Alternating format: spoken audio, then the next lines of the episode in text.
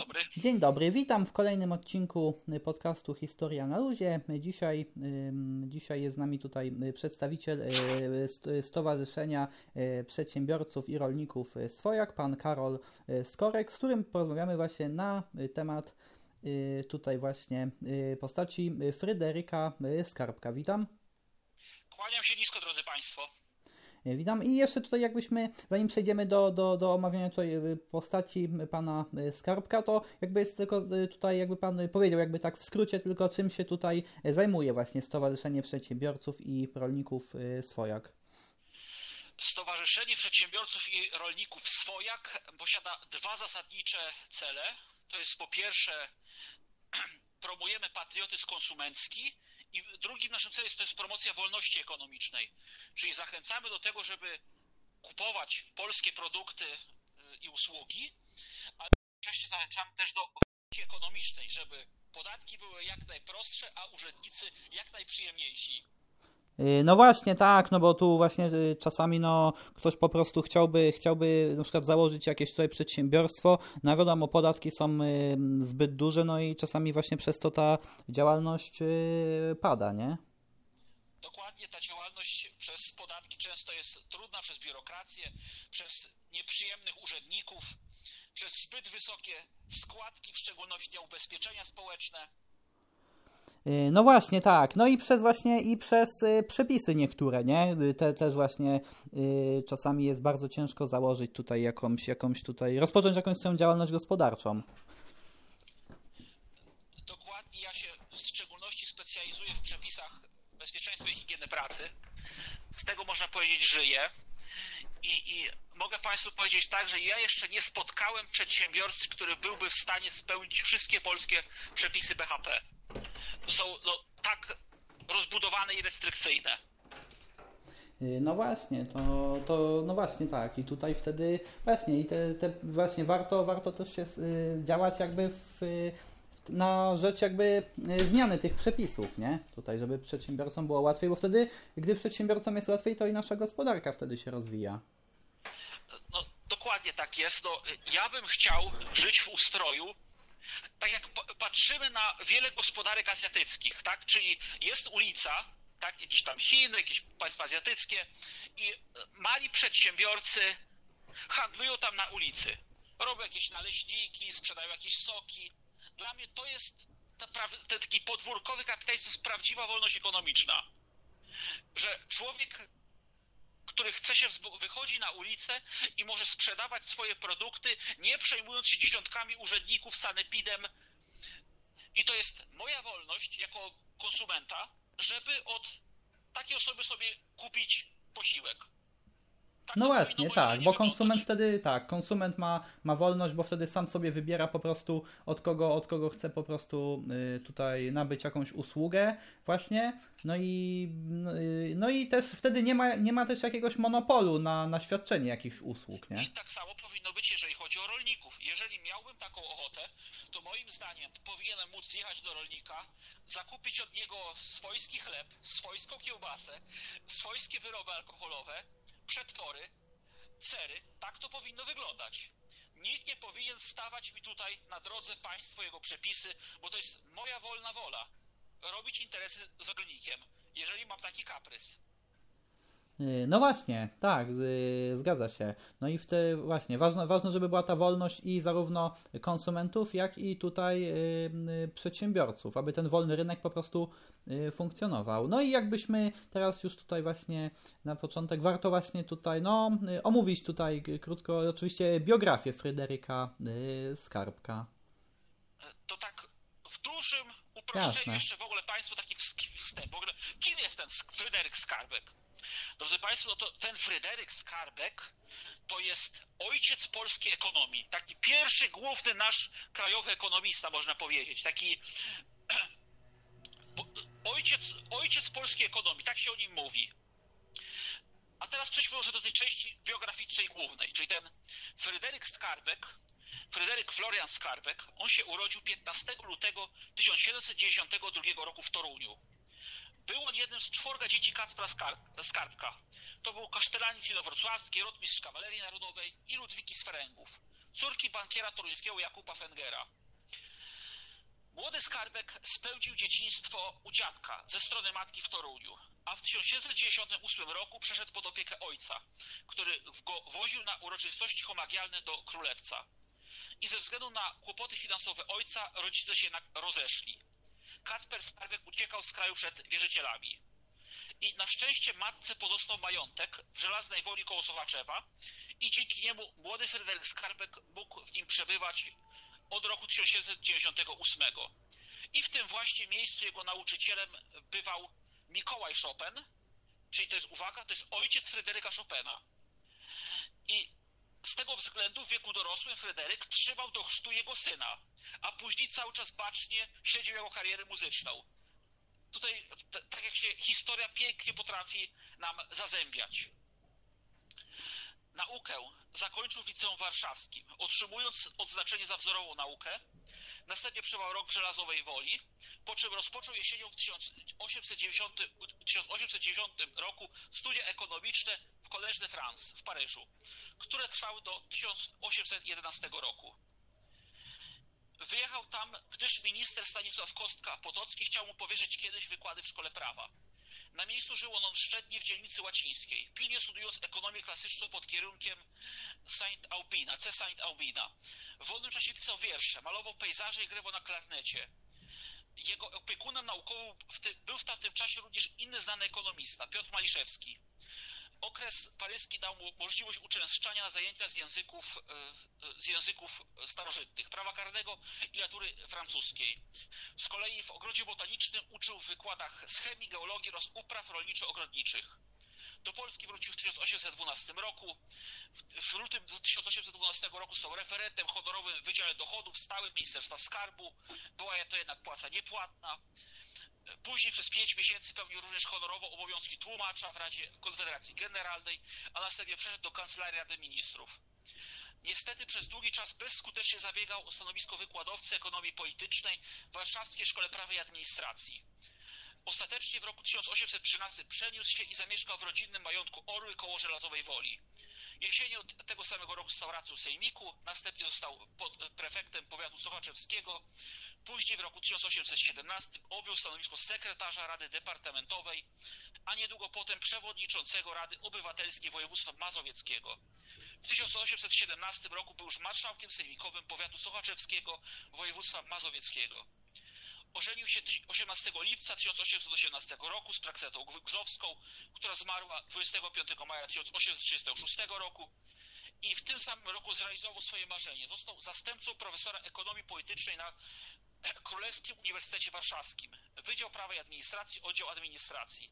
Czyli tak jakby kiedyś, w dawnych czasach, to można powiedzieć, że ekonomia była wykładana w ramach prawa.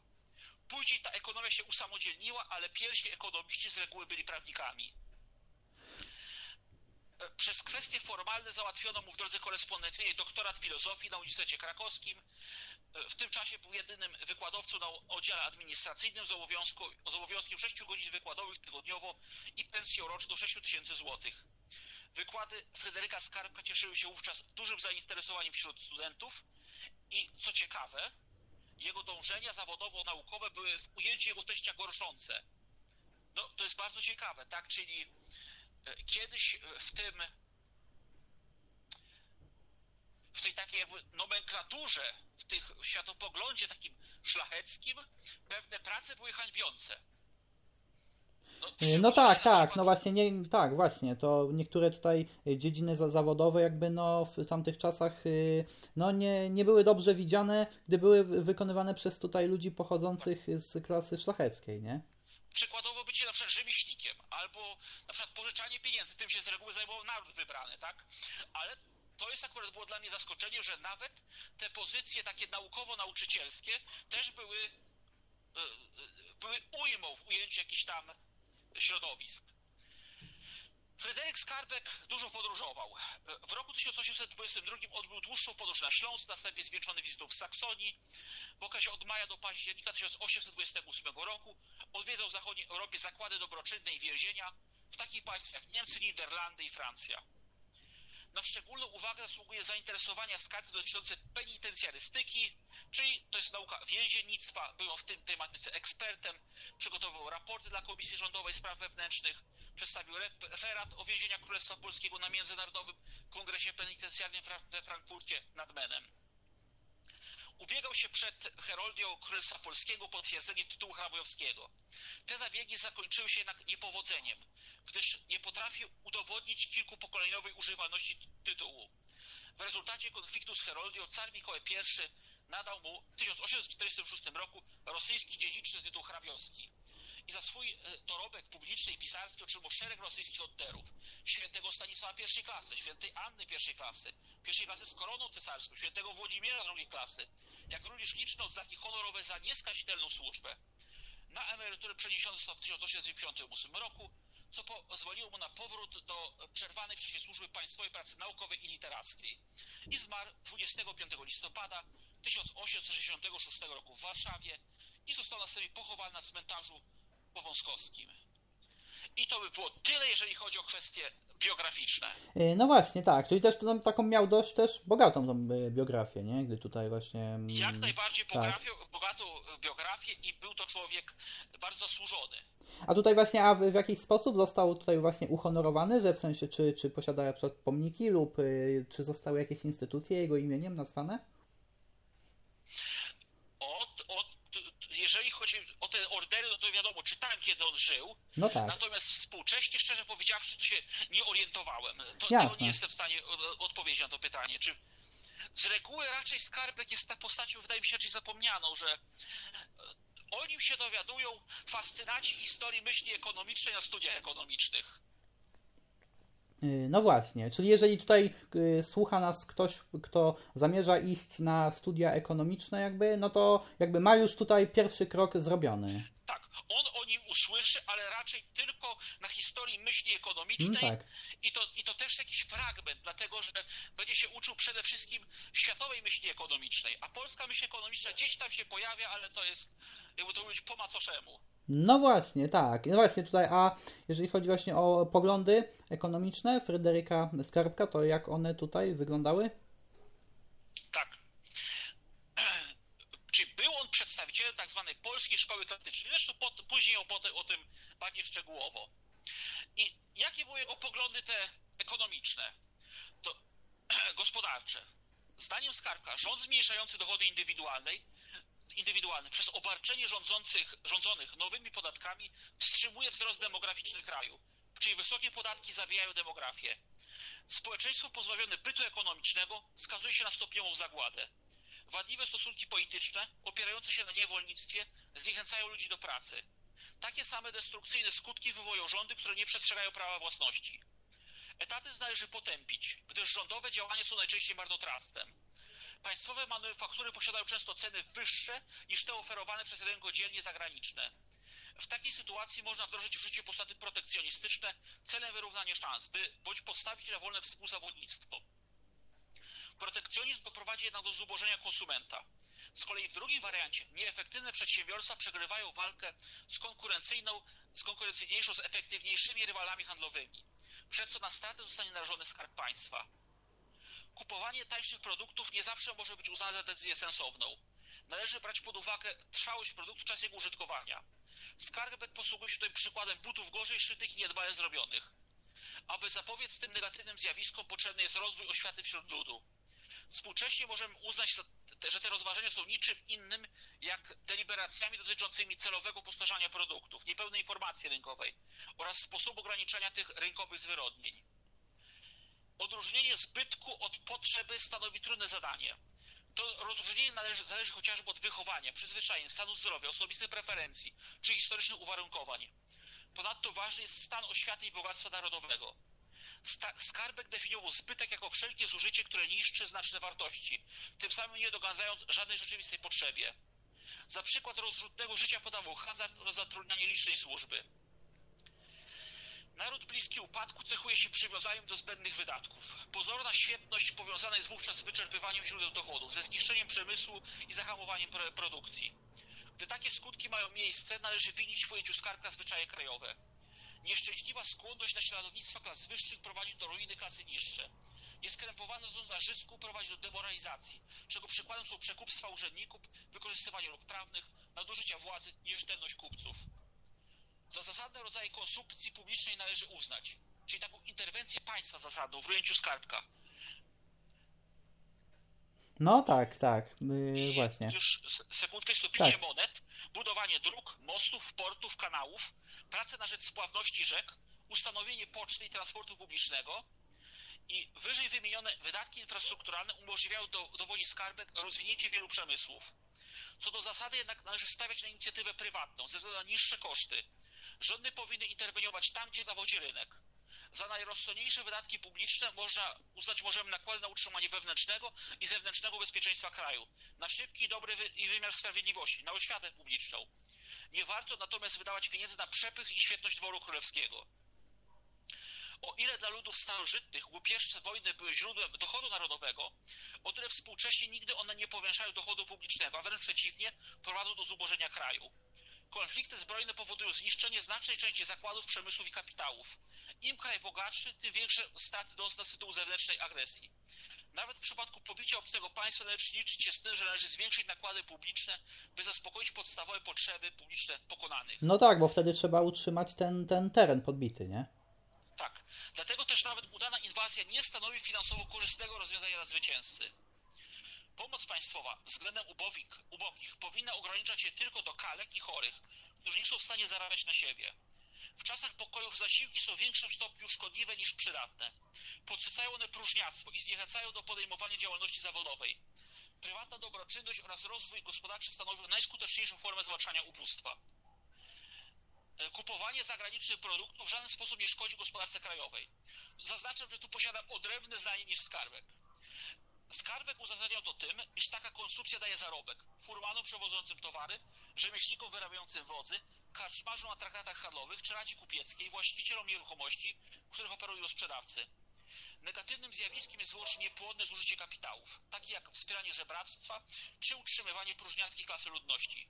Do tego krytykował również tak zwane martwe kapitały, zapewne myśląc o środkach finansowych, które nie są inwestowane, lecz tezauryzowane, czyli trzymane, że jakby to ująć potocznie, w skarpecie.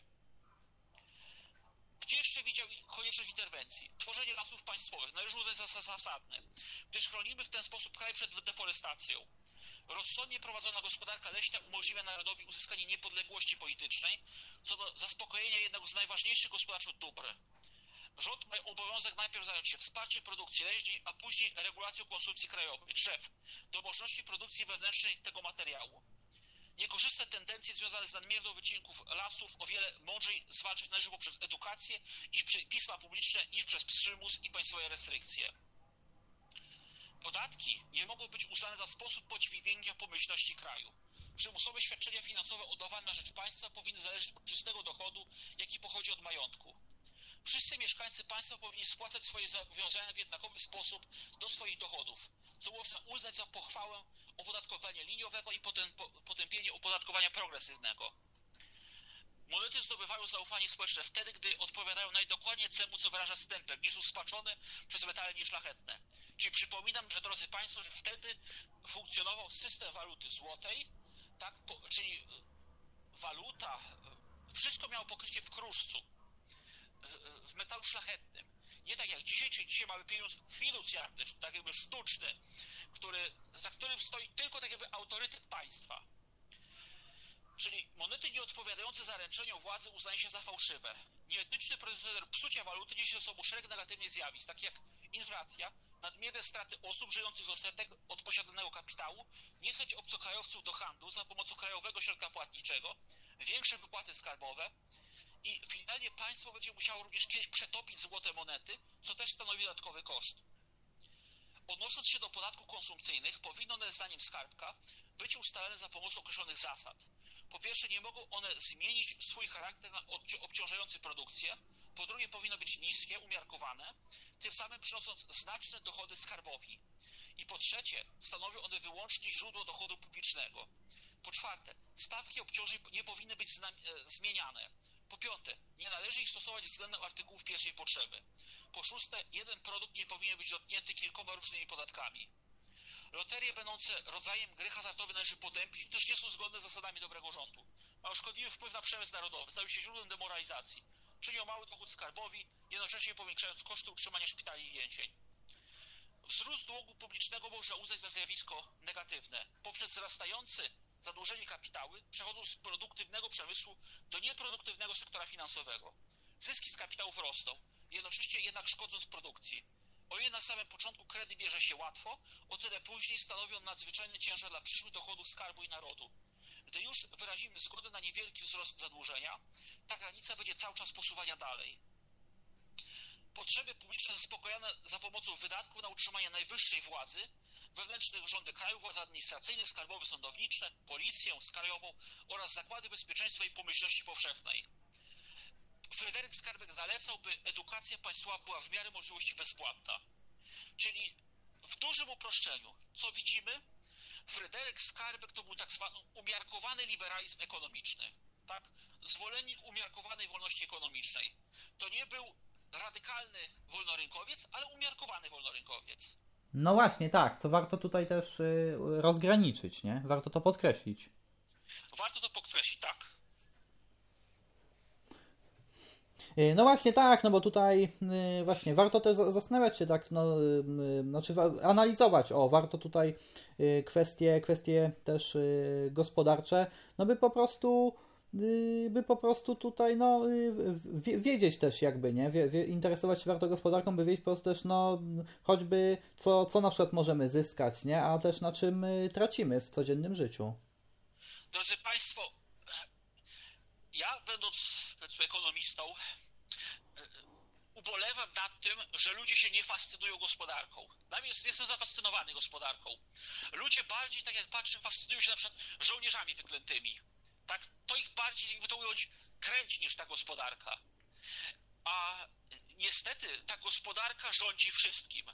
O wszystkim rządzi gospodarka. Te państwa, które mają silne gospodarki, one rządzą światem. Rządzą światem Chiny i rządzą światem Stany Zjednoczone. Czyli państwa, które mają silne gospodarki. Gospodarka stanowi o wszystkim. My się fascynujemy sportem, kibicujemy na przykład naszej drużynie piłkarskiej, ale mnie na przykład o wiele bardziej cieszy, że Polacy, powiedzmy, nie wiem, z firmy CD Projekt stworzyli dobrą grę, którą eksportują i budują siłę ekonomiczną tego kraju. Dla mnie to jest ważniejsze, że, że bardziej niż to, że strzelimy dwie czy trzy bramki w jednym czy drugim meczu, ja bym bardziej się cieszę, że Polacy mają co do garnka włożyć i mają pieniądze, żeby się realizować. Y, No właśnie, no, no tak, zgadza się, zgadza się, no bo tutaj właśnie i na, nawet też, nawet właśnie śledząc y, nawet jakieś wydarzenia historyczne chociażby, no, tak jak ludzie właśnie się emocjonują wydarzeniami historycznymi, to trzeba pamiętać, że za tym też kryją się kwestie gospodarcze, że jakaś kwestia gospodarcza, kwestie gospodarcze mogą być przyczyną jakichś na przykład wydarzeń historycznych i potem inne, inne tutaj zjawiska gospodarcze mogą być konsekwencją tych, tych wydarzeń historycznych. E, Dokładnie, no e, chociażby jaką dzisiaj rolę odgrywa kwestia ochrony środowiska. Jaki to ma wpływ potężny na gospodarki. E, Na przykład jest problem limitów tych CO2 nakładanych przez Unię Europejską. Ja nie jestem negacjonistą globalnego ocieplenia, ale ten wpływ na gospodarki europejskie jest e, ogromny. I niestety, e, trzeba to podkreślić, też te limity mają bardzo negatywny wpływ na rozwój europejskiego przemysłu i niestety ta Europa staje się niestety powoli takim skansenem trochę technologiczno-gospodarczym. Czyli jeżeli popatrzymy na to, top 100 firm na świecie, to tam tych firm europejskich jest no coraz mniej, nie jest ich wiele. I niestety to, my mamy tak jakby limity środowiskowe, a ten przemysł przenosi się do Azji albo do Afryki, tak? I, i, i w pewnym sensie się deindustrializuje ta Europa. I niestety te problemy gospodarcze są, są coraz większe.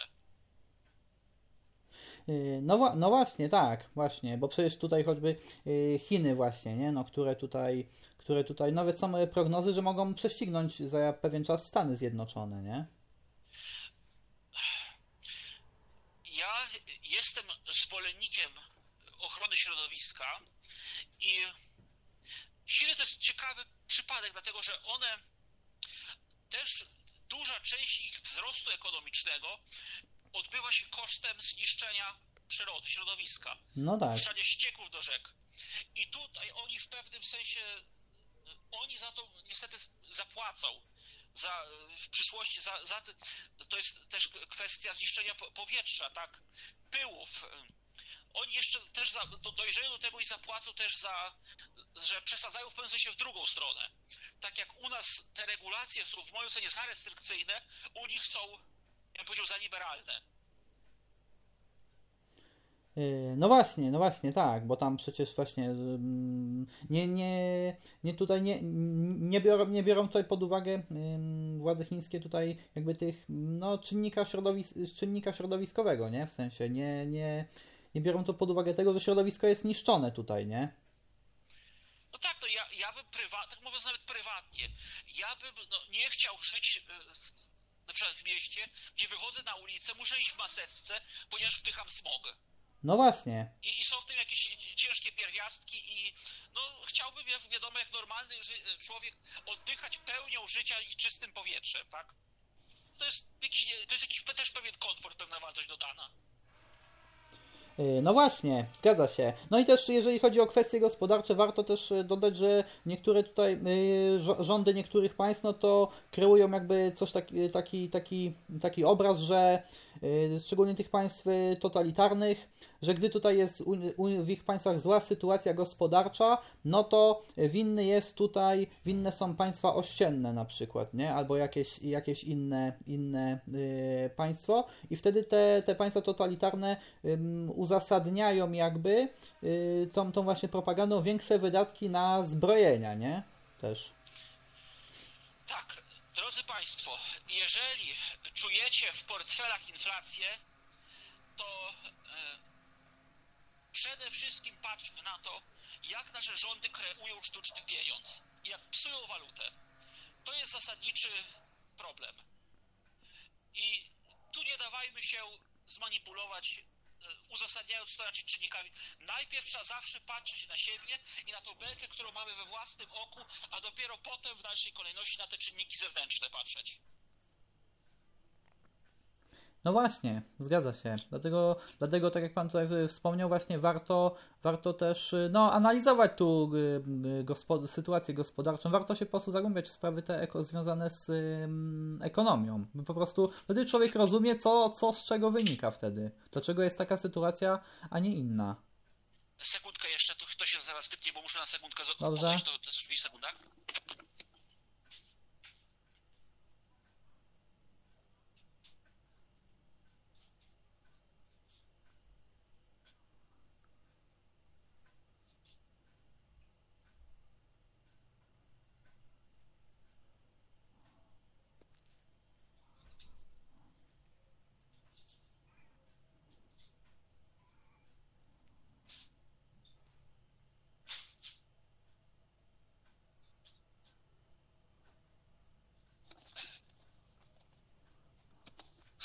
bardzo przepraszam. No, ale nie, no wiadomo, w porządku, wiadomo, tak.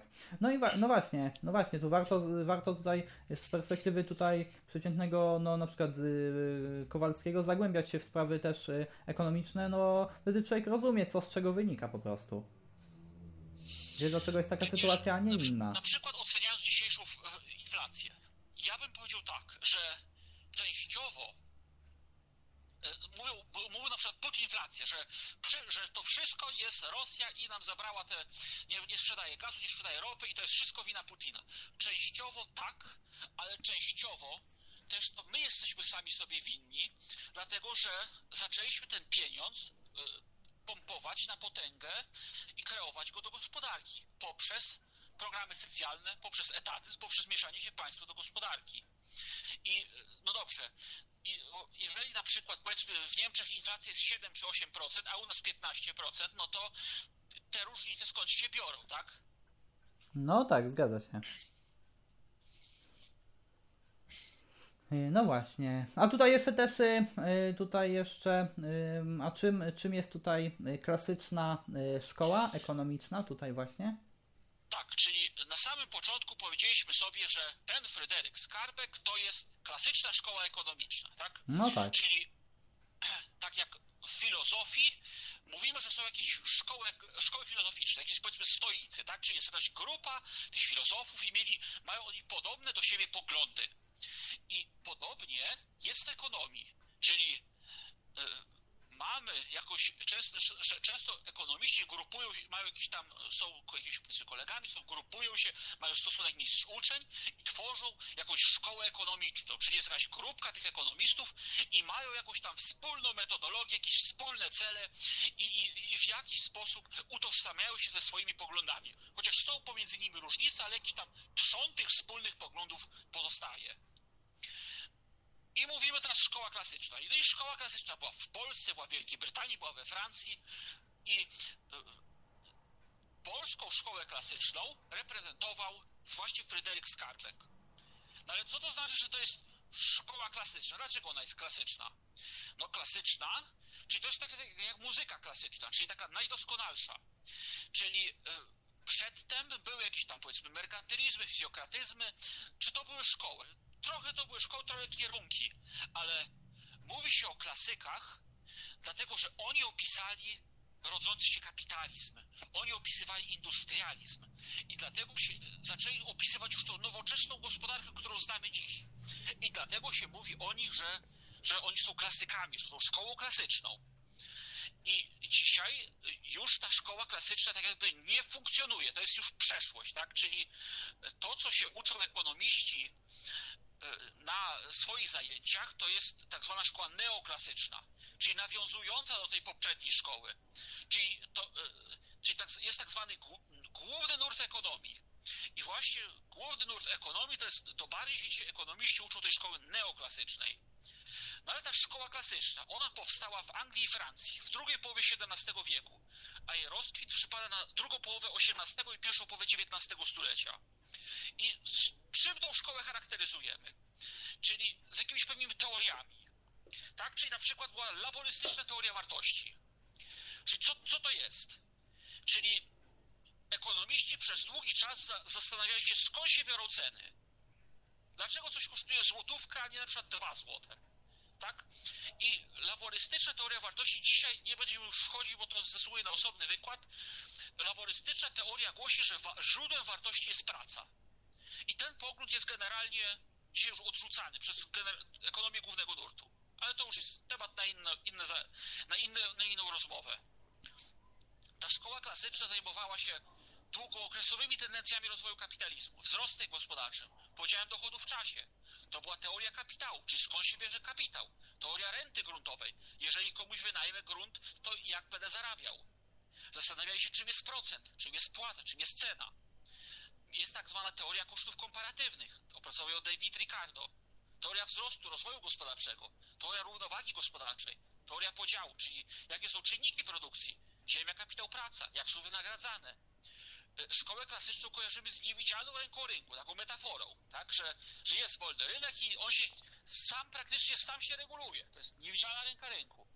Kojarzymy to z tak zwanym modelem homo economicus,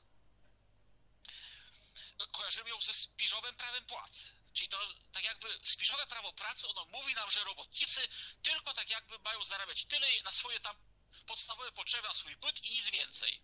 I dzisiaj jest to odrzucane tak swoją drogą. No i oczywiście ten Fryderyk Skarbek był reprezentantem właśnie tej polskiej szkoły klasycznej w ekonomii, ojcem polskiej ekonomii.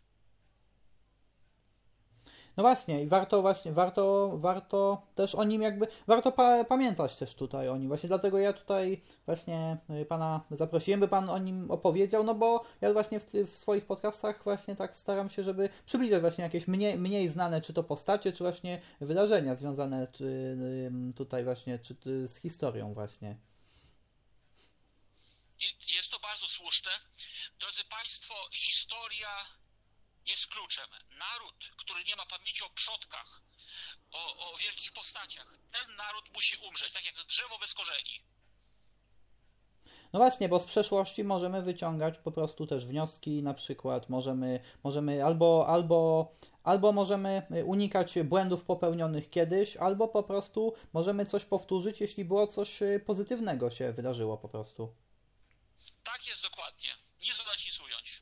Ja jeszcze tak tutaj, bo y, y, tutaj właśnie słuchając Pana, jeszcze tak sobie myślałem też właśnie tutaj o ogólnie o, o, o też o społeczeństwie. No mi się po prostu wydaje też, że niektórzy ludzie chyba jakby no nie interesują się sprawami związanymi z ekonomią, no bo po prostu, no nie, może niektórzy nie mają też do tego głowy, w sensie to jak ktoś na przykład nie ma głowy do nauki, czy to chemii na przykład, czy języka polskiego, czy nie wchodzi mu matematyka, być może też po prostu na pewno, na pewno niektórym ludziom po prostu nie wchodzi to do, do, do, do, głów, do głów, tak, nie, nie siedzi to za bardzo ludziom y, w głowie, jest na pewno niektórym ludziom trochę trudniej jakby się z tym jakby obe, obeznać, tak mi się wydaje.